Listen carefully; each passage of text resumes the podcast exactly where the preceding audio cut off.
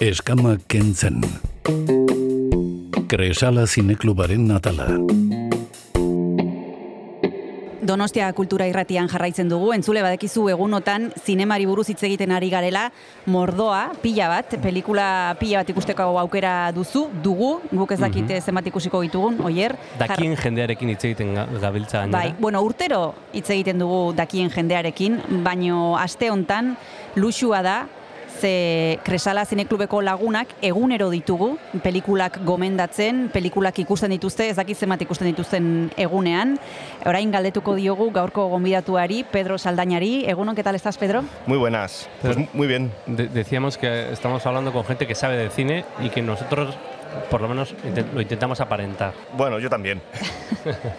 ¿Qué tal, qué tal eh, este Cinema al Día? Eh, Bien, la vuelta a la normalidad, desde luego, creo que es una grandísima noticia para todos. Eh, el hecho de volver a ver bueno, el mismo ambiente que, había antes, la misma gente, se volverán, me imagino, a generar las colas, aunque han mantenido el tema de, los asientos, de eh, la numeración en las butacas y las filas, yo creo que se presenta una edición súper chula.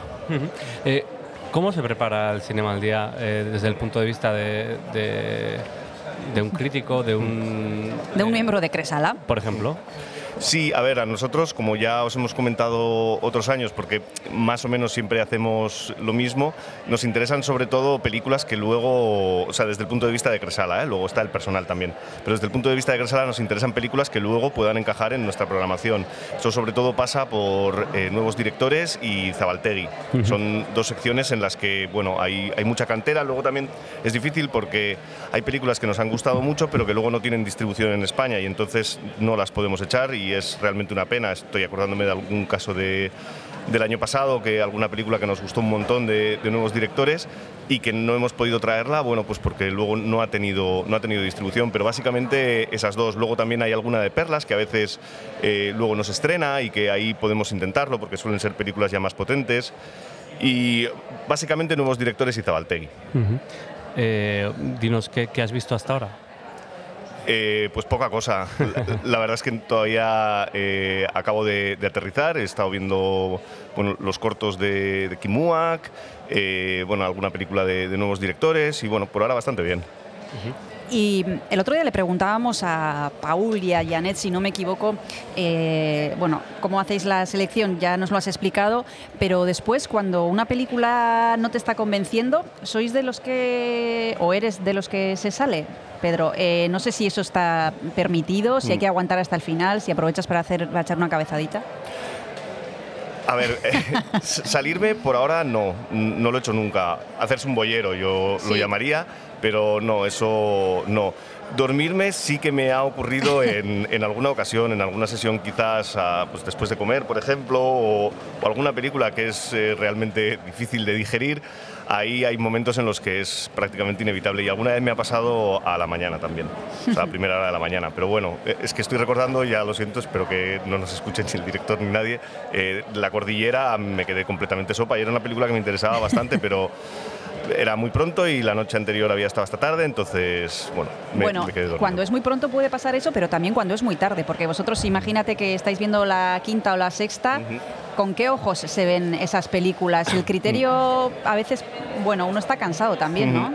Para mí es un problema verse tantas películas eh, al día porque luego a mí me pasa que el día siguiente mezclo, o sea, mm. no recuerdo bien ni lo que he visto y, además mezclo tramas o subtramas. O sea, de repente, eh, no sé, la mujer que estaba con no sé quién resulta que era de otra película y no de la que yo estaba en ese momento pensando. Entonces, en ese sentido, no es fácil. Por ejemplo, la de mm, Ruben Oslund, eh, que se echa, si no recuerdo mal, el, miércoles en el principal, eh, es última sesión. Esa película le tengo un mogollón de ganas porque mm. es la que ha ganado el Festival de, Cannes. Es la segunda vez que gana el director el, Festival de Cannes. A mí me gusta mucho y es una película que, bueno, me voy a llegar sea, sea como sea. Eh, Pedro, te vamos a pedir una canción para, para hacer una pausa. ¿Qué podemos escuchar? Vale, pues eh, Kalashnikov de Goran Bregovic, por ejemplo, para empezar la fiesta, creo que no va a estar nada mal. Pues empecemos la fiesta.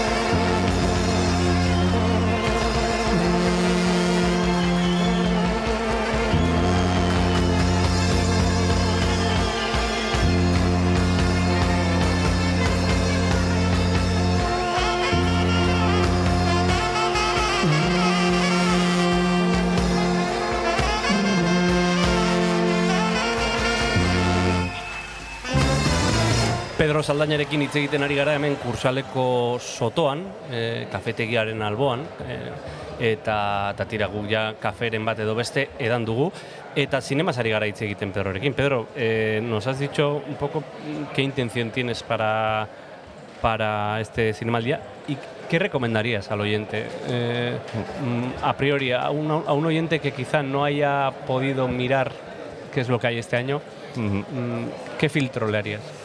Sí, a ver, bueno, yo creo que la, la sección oficial siempre es interesante, aunque ahí, bueno, puede haber alguna película que igual guste más o menos. Nosotros en algún año ha habido alguna película que nos ha pasado lo mismo, que nos gustó un montón, incluso que ganó la mejor actriz.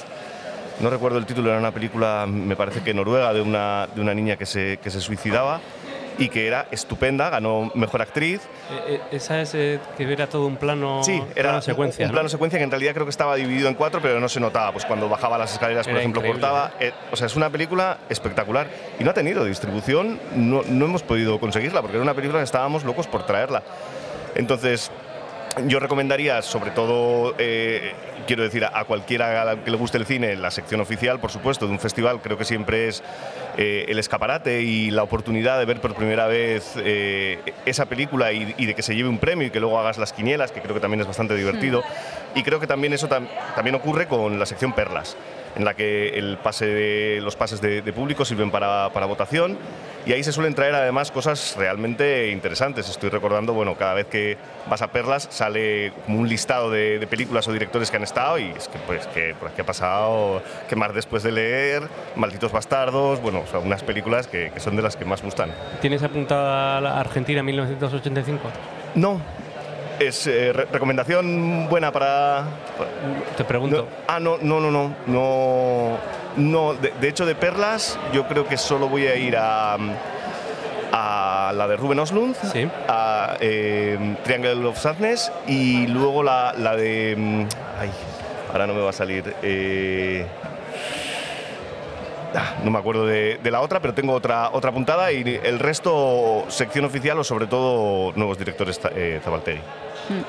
Y mm, no sé si hay alguna película que este año venga con polémica, no sé si nos puedes decir algo con respecto a eso o siempre Sí. hay alguna, alguna todos los años que viene con un poco de ruido. Sí, algo hemos comentado eh, los compañeros del Cine Club de la de Ul- Ulrich Seidel. Paul es eh, muy, bastante más aficionado al cine que yo, ve más películas que yo.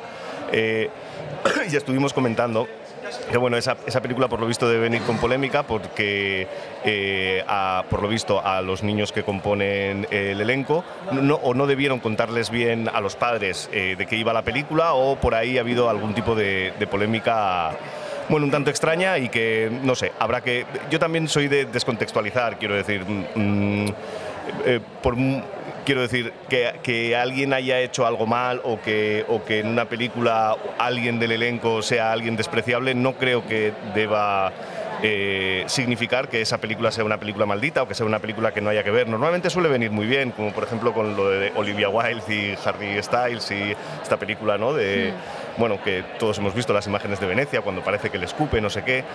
Tampoco sabría decir muy bien si aquello de que hablen de mí aunque hablen mal, pero desde luego sí hay un par de películas que vienen, bueno, pues con, con polémica. Y de las retrospectivas, eh, ¿soléis picar de ahí también o no os da tiempo? N- Normalmente poco. Eh, yo además no he visto ninguna, ninguna película de, de este director, pero realmente... Sí. Sautet. Eh, he cogido una, lo que pasa es que no me acuerdo el título, para yo creo que el miércoles o así. Eh, bueno, eh, siempre es interesante, yo creo también, sobre todo si no has visto ninguna película. A mí me pasó con Dorothy Adner, que no la conocía y me vi dos películas y me encantaron. Eh, cuando trajeron, por ejemplo, a Jacques Becker, había visto alguna película, pero muchas otras no. Y realmente es una oportunidad bastante interesante de conocer eh, cinematografías y, formas de hacer cine que muchas veces no conoces, pese a haber tenido pues, una época de fama, por ejemplo, en su tiempo, y que hoy en día pues, están un poquito olvidados o, no se les hace tanto caso, quizás como a otros autores. Eh, he comentado que es diferente ver las películas desde el punto de vista del crítico, pero en, vuestro caso, más que críticos, sois pescadores, ¿no? Sí, sí, yo lo diría más así. O sea, quiero decir, a nosotros nos interesa la historia y cómo está contada. Quiero decir, me da la sensación de que los puntos de análisis son más o menos parecidos a, a los de un crítico, pero mm, mm, cuando vemos una película no lo hacemos con el ansia de, de- de poder calificarla, sino con el ansia de poder saber si encaja en nuestra programación. Estoy recordando, por ejemplo, hace dos años eh, vino aquí la ganadora del Festival de Berlín, eh, que luego nosotros echamos, una película de Radu Jude, que tenía una secuencia porno explícito y luego tenía varias, varios momentos en los que también aparecían, bueno, pues... eh, di- distintos momentos del acto sexual que bueno tuvo también su digamos su polémica o su su manera distinta de, de- de haber afrontado esa película. A nosotros nos pareció una propuesta súper interesante y la llevamos a Cresala, la echamos y además fue, fue un gran éxito porque es una película bueno, que merecía mucho la pena. Entonces, en ese sentido, eh, yo creo que verla la vemos como cualquier crítico, pero, pero luego se trata de, de saber si, si nos encaja, si, si el tema nos gusta, si está bien narrada y todo ese tipo de cosas.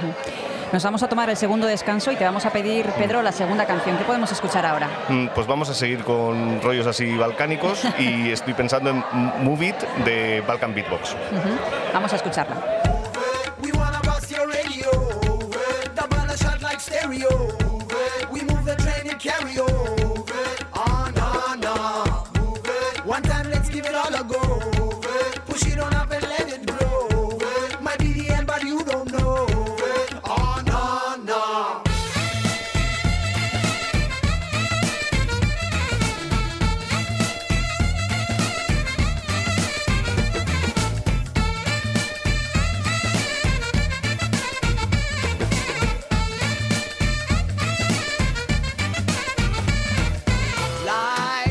On top of all, and it's my favorite. I might fly with it, and I might drown in it. I might look aside of it, but I can't ignore it. Don't be the ignorant who turns his back on it. And now we're in the race, and now you show your face. If you can find your place, then we can show you how to send it to outer space.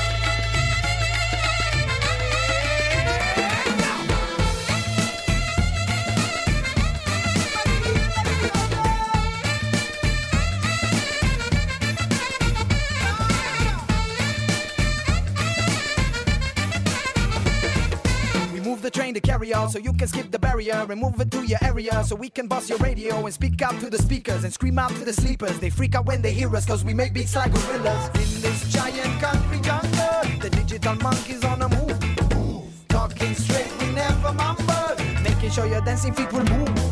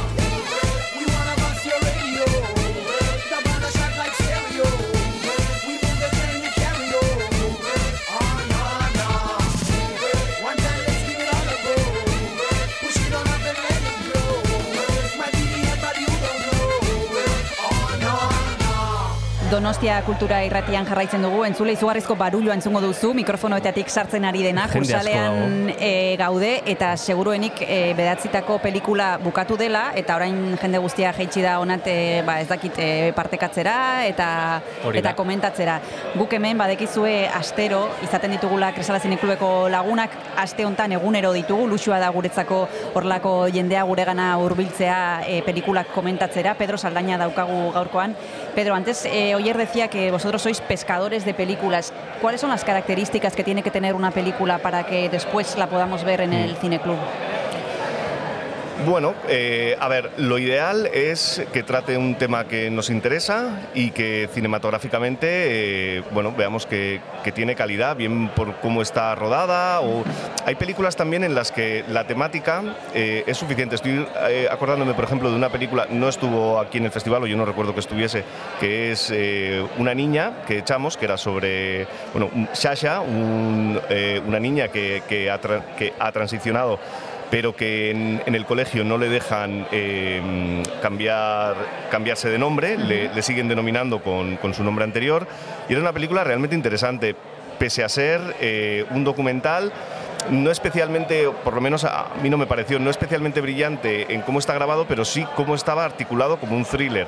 Quiero decir, toda la película te llevaba al clímax, que era el momento en el que la escuela tenía que decidir finalmente si sí aceptaba el nombre de Sasha o si no lo aceptaba. Y una vez que eso ocurre, llega el clímax, ya siento el spoiler, eh, aceptan el, cambio de nombre y está muy contento, pero entonces se apunta a unas clases de ballet, ya es el final de la película, y en las clases de ballet no le admiten el, cambio de, nombre. Y entonces hay una secuencia maravillosa de que, ya digo, es un documental, quiero decir, es lo, que le ocurría a Sasha de verdad. Y, en ese momento, eh, Sasha, cuando no le admiten, le dice a su madre, mientras está llorando, pero es que voy a tener que seguir luchando toda la vida. Quiero decir, eh, toda la película ha estado en torno a me van a aceptar en el cole, me van a aceptar en el cole, me van a aceptar en el cole, y una vez que la han aceptado en el cole, eh, lo o sea, se da cuenta de que va a tener que hacer eso en todos los aspectos de su vida, para encontrar un trabajo, para, para cualquier cosa, lo cual es bastante desolador, pero como estructura narrativa es una estructura narrativa súper interesante porque te pone un poco en la realidad, quiero decir, todas las luchas que va a llevar Sasha a lo largo de su vida, de todas esas solo hemos visto una y es muy dura. Y era una película que en ese sentido quiero decir que no hace falta simplemente que tenga unos valores cinematográficos eh, eh, X, sino que a- además eh, toque el tema o lo haga desde una sensibilidad especial o de alguna manera nos llame la atención firmemente. Hay una película que vamos a echar dentro de un mes, no puedo decir cuál porque todavía no hemos anunciado la, la programación, porque es una película super heavy en cuanto a sangrienta y demás. Sin embargo, es una película que creemos que, que tiene, que tiene unos valores eh, tanto cinematográficos como éticos, por decirlo así, eh, que son bastante interesantes y que creemos que merece la pena an- analizarlos. Y otro de las características puede ser que dé pie al debate, que sepáis que va a haber conversación después. Sí, sí, sí, claro. tam- también hay películas que por su temática son eh, altamente interesantes. Por ejemplo, eh, el año pasado eh, echamos una película ucraniana, luego echamos también una rusa que había estado en, Nuevos Directores. Eh, bueno, creímos eh, que era bastante apropiado, por un lado, echar la película rusa, porque era el momento en el que había un montón de polémica, porque, bueno, ya, sabéis, por el tema de la guerra de Ucrania. Pero claro, la película es, es muy buena, ha pasado por el festival, ha estado muy bien, entonces mm, tampoco entiendo que tengamos que hacerle boicot a alguien que tampoco tiene nada que ver, quiero decir, no tiene nada que ver con sus gobernantes. Y, y en la película ucraniana pasaba un tanto de lo mismo, era una película súper interesante sobre las consecuencias de una guerra futura que no había ocurrido en aquel momento y que cuando nosotros echamos ya había ocurrido, es una película de- de 2019 eh, y que era muy interesante ver las consecuencias de, de una guerra que se está produciendo ahora y, y- y- y cómo quedaba eh, Ucrania como, como un páramo. Quiero decir, al final no ganaba nadie. Bueno, vamos a despedir a Pedro Saldaña porque se tiene que ir, lógicamente, a ver películas, que es para lo que ha venido aquí al es. Cursal. Nos vamos a despedir pidiéndote una última canción. ¿Qué podemos escuchar ahora y compartir con los oyentes, Pedro? ¿Qué se te ocurre? Hemos escuchado antes dos canciones con tintes balcánicos. ¿Qué se te viene a la cabeza? Pues estoy pensando, hay un autor que me gusta mucho, es un poco así, eh, Nat King Cole. Eh, mm, quizás, quizás, quizás es una de esas canciones que siempre escucho con... eh, gustándome mucho lo que estoy escuchando. Perfecto, pues vamos a escucharla. Un abrazo, nos vemos eh, estos días y muchas gracias por haberte acercado a Ispillo Beltzam y Esker. Muchas gracias a vosotros. Agur, agur. Te pregunto que cuándo, cómo y dónde tú siempre me respondes. Quizás, quizás, quizás. Y así pasan los días y yo desesperado y tú, tú contestando. Quizás, quizás, quizás. Estás perdiendo el tiempo pensando, pensando. Por lo que más tú quieras, hasta cuándo, hasta cuándo. Y así pasan los días y yo desesperado y tú, tú contestando, quizás, quizás, quizás.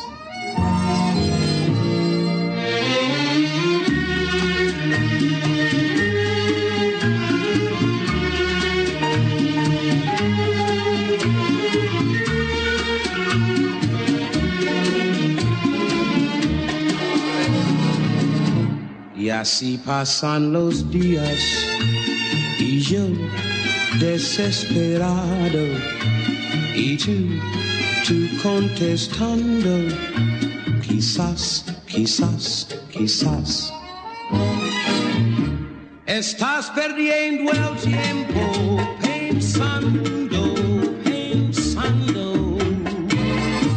Por lo que más tú quieras, hasta cuándo, hasta cuándo.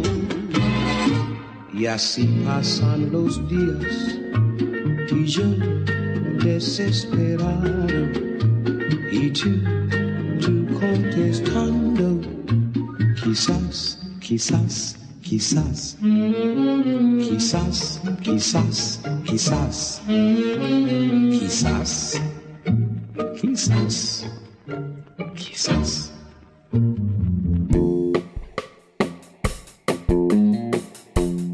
Eskama kentzen. Recreșala Cineclub Aren Natala